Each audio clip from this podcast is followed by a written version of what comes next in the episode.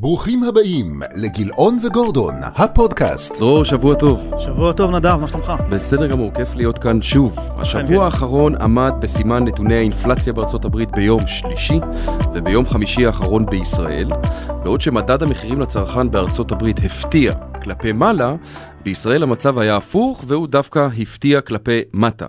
היום אנחנו נסביר מדוע מדדי המניות ירדו בעוצמה לאחר פרסום המדד בארצות הברית, עוצמה משמעותית, למעלה מ-6% במדדים בארצות הברית, בנסדק. נבין את ההשלכות של המדד השלילי שפורסם בישראל, ונמשיך לעקוב אחר רמות המחירים במדדי המניות ואיגרות החוב. בנוסף, אנחנו נדון בציפיות לקראת החלטת הריבית בארצות הברית שצפויה ביום רביעי הקרוב. ונקנח בשוק הנדל"ן הישראלי. קדימה.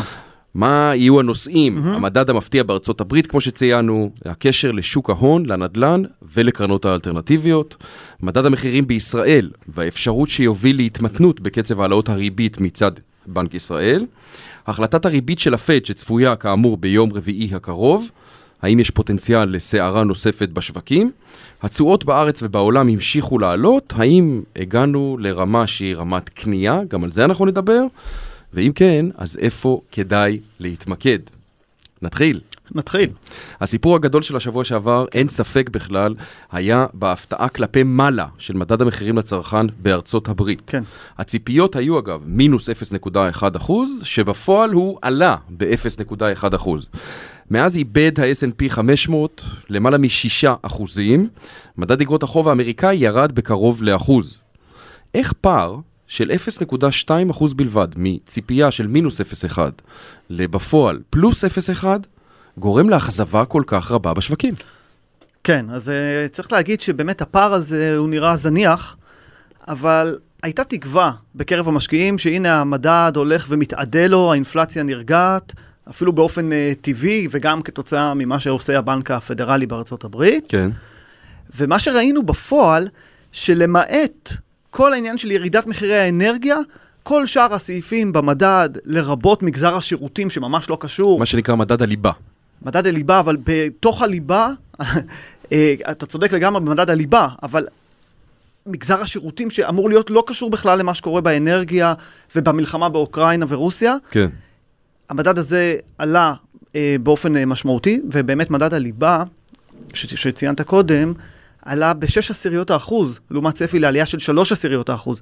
אז זה לא רק ה-0.2 הבדל במדד הרשמי, זה גם הכל כך אכזבה מעומק האינפלציה שמושרש אה, בתוך אה, אה, ארצות הברית. זה באמת מעיד, מעיד על עומק האינפלציה, זאת אומרת, זה כבר לא קשור בכלל, כמו שציינת, למלחמה שיש באירופה. נכון. זה לא קשור אה, אה, לשום דבר שהוא סינתטי, אלא זה באמת עמוק ואמיתי. כן, ואפשר לראות את הנתוני מגמה. מחירי. הבריאות לצורך העניין, התרופות שמתייקרות, זה לא קשור למה שקורה. נכון, ויש באמת, אפשר להסתכל על המגמה, מה היה טרום הקורונה, הרי אפשר לראות כמעט בכל הסעיפים אה, סביבת אינפלציה מאוד מאוד נמוכה.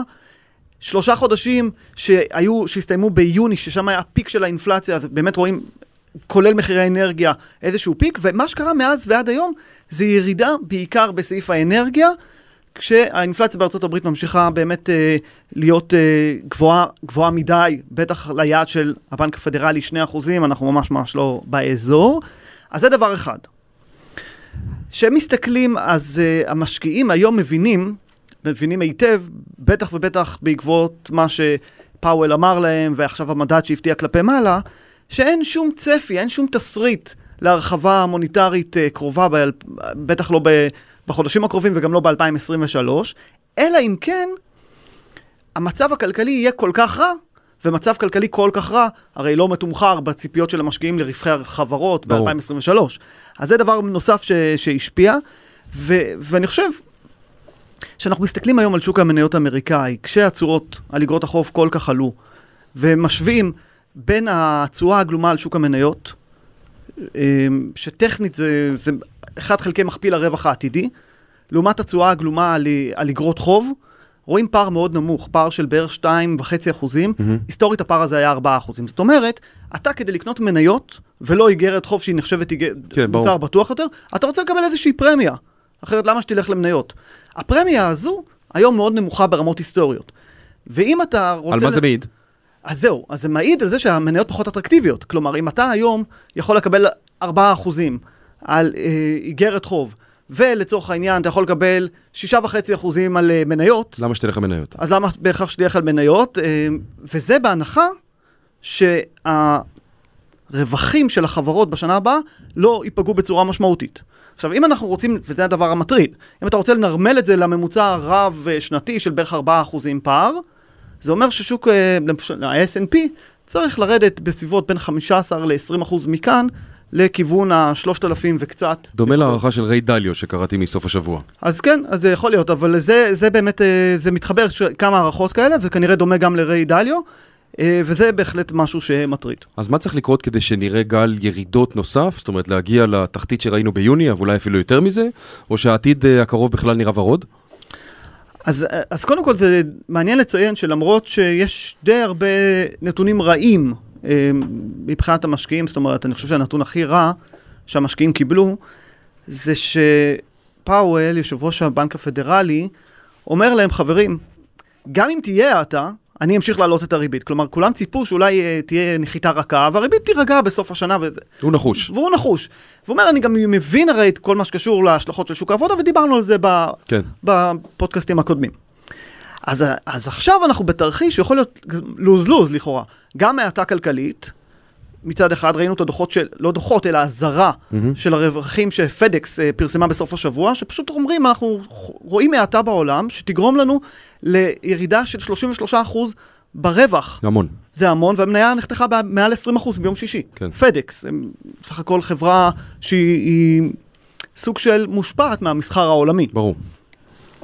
אז אנחנו היום במצב שיכול להיות לך מצב של גם כלכלה חלשה וגם העלאות ריבית, ו- וזה נתון מאוד רע. ויחד עם זאת, אנחנו לא רואים את השוק מתפרק. לצורך הדוגמה, אנחנו עדיין לא הגענו לרמות של יוני. ואני חושב שהסיבה לכך היא שבעוד שהגופים המוסדיים וקרנות הגידור הם כולם יחסית בפוזיציה דפנסיבית כבר, דווקא אותו ציבור שנכנס בזמן הקורונה לשוק המניות בהמונו, בהמוניו, אה, מגדיל החזקות. הוא לא מגדיל אבל הוא לא מקטין.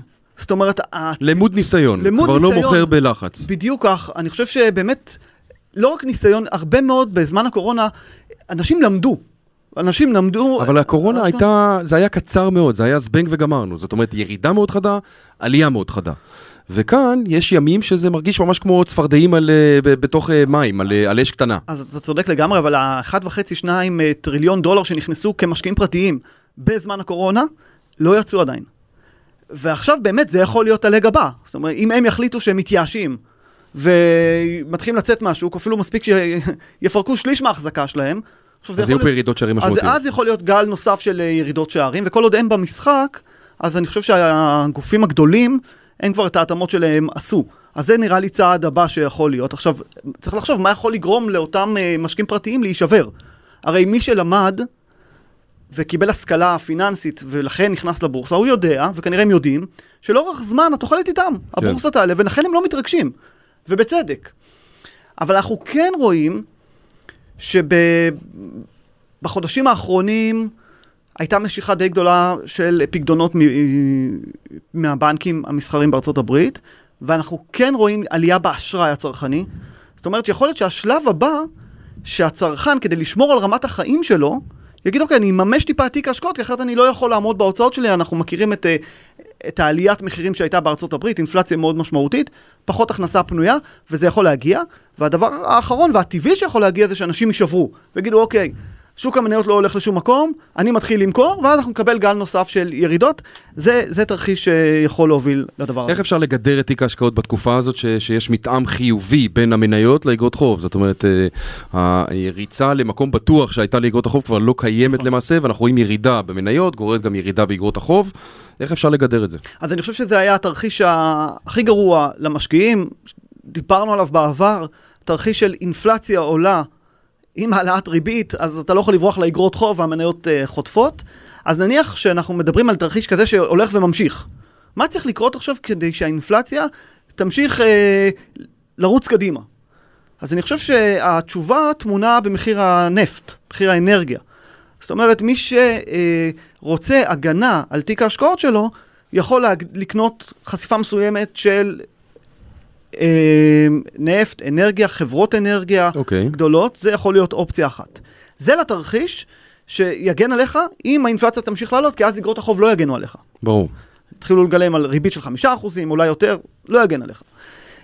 אבל זה לא תרחיש אה, עיקרי, יש תרחישים אחרים. למשל, שהכלכלה העולמית אכן הולכת להתמתנות אה, בינונית או משמעותית, mm-hmm. ואז באמת אגרות החוב יגנו עליך. זאת אומרת, אני חושב שהיום בסביבת ריבית או סביבת תשואות של בערך 4% לטווח קצר, האגרות חוב חזרו להיות רכיב משמעותי שכן כדאי לשלב אותו בתיק ההשקעות, גם בגלל התשואה השוטפת וגם בגלל האפשרות שקיימת, שאנחנו נראה תרחיש של האטה בכלכלה, שאז האגרות חוב יהיו במתאם הפוך למניות. לגבי הרכיב המנייתי, אנחנו רואים שמניות uh, של חברות צמיחה וחברות טכנולוגיה מאוד נפגעות בתרחישי העלאת ריבית. נכון. האם צריך לעשות שם משהו? אני חושב שהמניות האלו כרגע פחות מעניינות. זאת אומרת, מניות צמיחה, אה, בוא נגיד כזה דבר. שהכל יקר, אנשים מחפשים איפה, צריך, איפה אפשר להגדיל סיכון כדי לחלוב, לסחוט עוד את הלימון, בסדר? אבל היום יש הרבה דברים זולים. אז עדיף להתמקד בחברות, בחברות איכותיות. ולשלב קצת מניות אנרגיה, שוב, למי שבוחר, אבל אני חושב ש... אז בדיוק פה אני רוצה לשאול אותך שאלה. זאת אומרת, אה, אה, אני מניח שמרבית המאזינים שלנו מנהלים את כספם בקופות גמל, קרנות השתלמות, פוליסות כאלה ואחרות, ואין להם שליטה על הניירות הבודדים שנקנים. האם הגופים המוסדיים פועלים בדרך הזו בתור אה, כן, מישהו אז... שהיה אה, ניהל 12 מיליארד שקלים? אז בהחלט כן, דיברנו בהתחלה שהגופים המוסדיים כבר צמצמו, בוא נגיד, הפוזיציות הנוכחיות שלהן הן הרבה יותר דפנסיביות ממה שראינו שנים קודמות, כתוצאה מהמצב המקרו-כלכלי. המשקיעים הפרטיים, אלה שמשקיעים לבד, וזה נכון בעיקר לארה"ב, אבל אנחנו רואים את זה גם בישראל. יצא לנו, בעבודה שלנו, להיתקל בכמה לקוחות שניהלו לבד את הכסף שלהם בשנת, בהצלחה רבה בשנת 2021, אולי התחילו בשנת 2000, עשו רווחים מאוד יפים. 2020.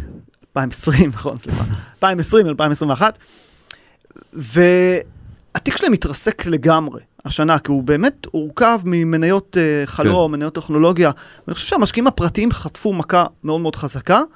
הגופים המוסדיים, מי שיש לו החזקות לשאלתך, דרך קופות גמל, פוליסות חיסכון, אז הם נמצאים אמנם במצב של הפסד, אבל מצב הרבה הרבה יותר טוב. בטח אם משווים למדדים. אם משווים למדדים, ואם משווים לאנשים שניהלו לעצמם את הכסף לפי אופנות. יש פה שאלה מעניינת, כן. זאת אומרת, בדרך כלל, במצבים כאלה שהשוק יורד, אה, אז יש אנשים, ויש גם לעיתים שמנהלי השקעות ממליצים לעשות את זה, להגדיל רכיב מנייתי. כן. התקופה הזאת קצת מתעתעת, מאחר וגם באגרות החוב, בדיוק כמו שהסברת עכשיו, יש כבר בשר. אז האם עכשיו, לתוך הירידות, מי שבוחר כן להגדיל סיכון בתיק כדי ליהנות לטווח הארוך, שיש בזה הרבה היגיון, האם הוא צריך להעלות רכיב מנייתי, להעלות רכיב של אגרות חוב? איך אתה רואה את הדברים? אני רואה את הדברים בזה שאנחנו בתקופה שהרבה זמן לא צעדו באיזושהי דרך שהרבה זמן לא צעדו בה. ואנחנו לא יודעים לאן היא מובילה. חשוב בדיוק. להגיד אגב, מתמודדים פה עם רמות אינפלציה שלא היו עשרות שנים. זאת אומרת, הנגידים המרכזיים מתמודדים פה עם אירוע שלא היה כדוגמתו עשרות שנים. נכון, וההשלכות של זה זה ריבית שלא הייתה פה הרבה מאוד שנים, ופתאום שיש לך מה שנקרא money market funds, או קרנות כספיות בישראל, שמעניקות 4% בארצות הברית, בישראל זה עוד לא שם, אבל יכול להיות שזה יגיע לשם, אז פתאום יש אלטרנטיבה. וכמובן שאנחנו מדברים על אגרות חוב, אז אמנם יש גם אגרות חוב שהן לא 100% קצרות ובטוחות, אבל מעניקות אה, תשואה של 5%. זה פתאום, אתה אומר לעצמך, למה שאני אקנה למשל נדל"ן שנותן לי פחות משלושה אחוזים? כן. ולמה שאני אקנה מניה שנותנת לי אה, נגיד חמישה או שישה אחוזים? יש בזה סיכון, ופה יש הרבה פחות סיכון. אני חושב שכל העולם הזה הוא, לש... הוא מייצר אה, מציאות אחרת וצריך להיזהר. זאת אומרת, כל האוטומטים שפעלו כשהריבית היא אפס, לא כל כך עובדים השנה, וראינו כמה ניסיונות של משקיעים להגדיל מניות, מה שנקרא, לאתר את התחתית ולהגדיל שם מניות, וכל פעם שהם עשו את זה, אחרי כמה, כמה ימים, שבועות, קיבלו מכה על הראש, ובעצם הפוזיציה הזאת שוב אה, מופסדת. אז אחד, לפעול לאט. לשני הכיוונים דרך אגב. לפעול לאט ביציאה מהשוק ולפעול לאט בכניסה לשוק. כי אנחנו באמת נמצאים באזור אחר. זה דבר ראשון. אני אוסיף גם להתייעץ, זה, זה החלטות שמאוד קשה לקבל לבד. כן. אה, להתייעץ, להתייעץ עם מישהו אה, מומחה, גם אם זה, זה קרוב משפחה שמאוד מבין, להתייעץ, לא לקבל את ההחלטה הזאת לבד. נכון, ואני חושב שהכי נכון באופן כללי, זה לא לנהל את הספקולציות האלה. שוב פעם, כל אחד שיבדוק מה הצרכים שלו לאורך זמן, ואז הוא ישן בלילה בשקט, בכלל לא צריך להסתכל כל יום מה עושה השוק. כן. אני מסכים שלאורך זמן השוק יהיה בסדר כנראה. ואיגרות החוב הן גם הופכות להיות מעניינות, וזה האויב הכי גדול בסוף של נדל"ן ושל מניות ושל דברים אחרים, כי איגרות חוב זו אחלה השקעה לאורך זמן, כשיש תשואות, ויש תשואות. ופתאום יש תשואות. אני רוצה רגע שנחזור לישראל. בניגוד לארה"ב, ההפתעה בישראל הייתה הפוכה, זאת אומרת, ציפו לירידה של 0.1%, קיבלנו ירידה של 0.3% ב- במדד. אה, אתה חושב שהירידה הזאת צפויה להשפיע על קצב העלאות הריבית של הנגיד הישראלי, או שאין לזה שום משמעות? או אני רוצה להקשות עליך אפילו, מדובר בכלל בירידה יותר גדולה ממה שחשבו, בגלל הסבסוד. אה, של המדינה שהורידה את אה, הבלו והורידה עוד דברים אחרים אה, וגרמה לירידות שערים שלא בהכרח היו קורות אם לא המהלכים האלה. אוקיי, אז, אז קודם כל אני שייך למחנה שטוען שהריבית בישראל תעלה יותר ממה שהשוק מעריך. חשבתי את זה שבוע שעבר שדיברנו, ואני טוען ששוק האג"ח בישראל לא מגלם עדיין את העלאות הריבית שיהיו בפועל, ואז בא המדד הזה שלכאורה סותר את מה שאני אומר, כי המדד היה נמוך. דרך אגב, בהרבה סעיפים, כלומר, גם אם אתה מנטרל את, ה... את הירידה של כמעט 18% במחירי הדלק, כן, האנרגיה.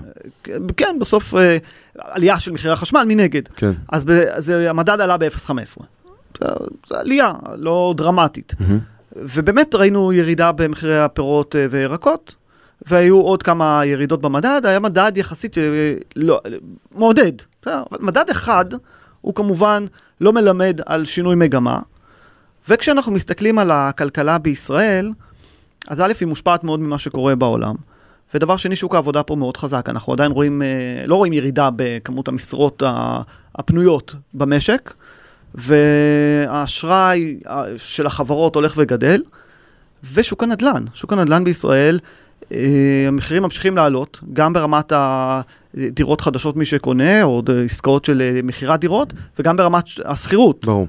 אז אני חושב שבנק ישראל, אם הוא לא רוצה למצוא את עצמו, והוא לא רוצה למצוא את עצמו, אה, מפספס את המלחמה באינפלציה, כי זה ידוע שלוקח זמן בין העלאת ריבית לזמן שבעצם העלאת הריבית משפיעה על הכלכלה הריאלית. אז אני חושב שבנק ישראל בהחלט אה, צפוי להעלות את הריבית ב-75 נקודות בסיס. כדי להימנע מלמצוא את עצמו עוד פעם מפספס את האינפלציה והשד האינפלציוני הזה לא יחזור כבר לבקבוק. אז זה הזמן לנקוט בפעולות, והוא יעשה את זה לדעתי. אתה לא חושב שמהלומה כזאת, או, או פטיש עשרה או עשרים קילו כזה של העלאת אה, ריבית, הוא מוגזם? לא, לא שווה לנסות אולי פתרונות עדינים יותר, העלאה יותר מתונה?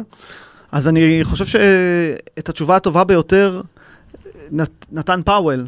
ששאלו אותו... אבל המצב של... שונה בין ישראל לארה"ב. בסוף ההשלכות של אינפלציה הן אותן השלכות. זאת אומרת, ברגע שיש... האינפלציה שונה.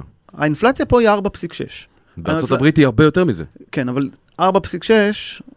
מעל היעד. זה הרבה מעל היעד, ויש פה, אני חושב שבנק ישראל צריך גם להתמודד באיזשהו אופן עם מחירי הנדל"ן, כי ככל שהנדל"ן עולה, ואנשים מותחים את ההון עצמי שלהם יותר, ושמים יותר כסף, ואחר כך לוקחים יותר התחייבויות, אז נשארים בכלל בלי רזרבות. אני חושב שזה גם בסופו של דבר עלול להוביל להאטה במשק ולסיכון על המערכת הפיננסית. אז זה לא קשור, לא, לא רק בנדל"ן, אבל שוק שרץ קדימה, אה, למשל האשראי המסחרי שעולה. כן. אז זה גם, בנק ישראל יש לו כמה תפקידים, ובסופו של דבר אני חושב שהאינפלציה היא גבוהה, היא גבוהה מדי, והיא יכולה להמשיך להיות כזאת. טוב, יש לו עוד הרבה זמן. לפי דעתי, אה, הודעת הריבית הבאה בארץ היא אחרי החגים, הוא יוכל לראות עוד מה קורה אה, בחו"ל. בשלישי באוקטובר. כן, ויהיה לו הרבה זמן. זה אחרי יום כיפור, סוכות. כן. זה הכל קורה שם. כן, אבל uh, צריך להבין שבנק ישראל היום נפגע, הוא לא מקבל החלטת ריבית כל חודש כמו פעם, נכון. הוא מקבל החלטת ריבית כל חודש וחצי, ואז, אז הפעם יש לו מדד אחד שמתפרסם בין ההחלטה הזו להחלטה הקודמת. המפגש הבא של בנק ישראל יהיה אחרי שתי החלטות ריבית, אה, סליחה, אחרי שתי הודעות מדד. אינפלציה, שתי, כן, שני, אחרי שני מדדים שיפורסמו, ואז כבר יהיה לו פחות זמן להגיב, ובאמת, צריך להיזהר, מדד אחד שיוצא פחות מה, מהצפי, או, ושלילי אפילו, זה עדיין לא אומר שזה אחרינו. שאפשר להירגע וזה אחרינו. טוב, אני רוצה לקחת אותנו להחלטת ריבית קרובה יותר ביום רביעי הקרוב. אה, פאוול, נגיד הבנק הפדרלי האמריקאי, צפוי להודיע להעלאת ריבית נוספת.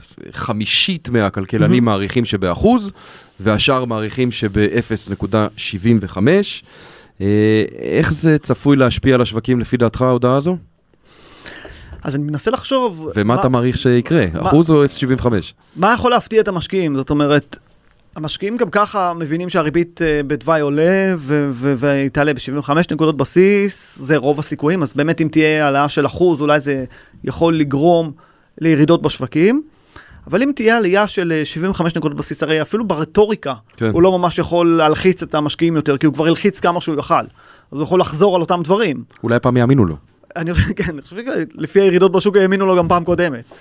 אז uh, לכן אני חושב שלא, כרגע זה לא הודעת ריבית מרגשת, אלא אם כן נראה עלייה של אחוז. אז זה כן יכול אז להשפיע. אתה צופה שיעלה ב-3 אחוז. אני- שלושת רבעי אחוז, ויכול להיות, זה סתם משחק, אבל... אה, אנחנו ב- נבדוק אותך. בטווח הקצר, יכול להיות שאפילו השוק יעלה על רקע החלטת הריבית הקרובה, אם היא תהיה 75 נקודות בסיס, אבל זה לא משנה, כי זה עלייה של יום-יומיים, ואחר כך חוזרים למציאות.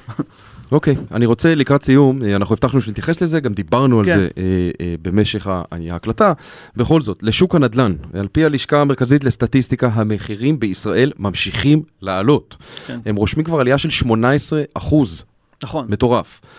איפה אותה ירידת מחירים שכולנו מחכים לה ואנחנו ממשיכים לדבר עליה? כן, אז קודם כל, אה, כולנו נראה לי, חוץ מהממשלה באמת, אה, שנהנית מהכנסות המדינה ממיסים, אבל היא נהנית פחות מהכנסות המדינה ממיסים. אין כל כך עסקאות. אין כל כך עסקאות, יש ירידה של אה, 32 אחוזים בכמות המכירות החד... של דירות חדשות בין מאי ליולי, לעומת אשתקד.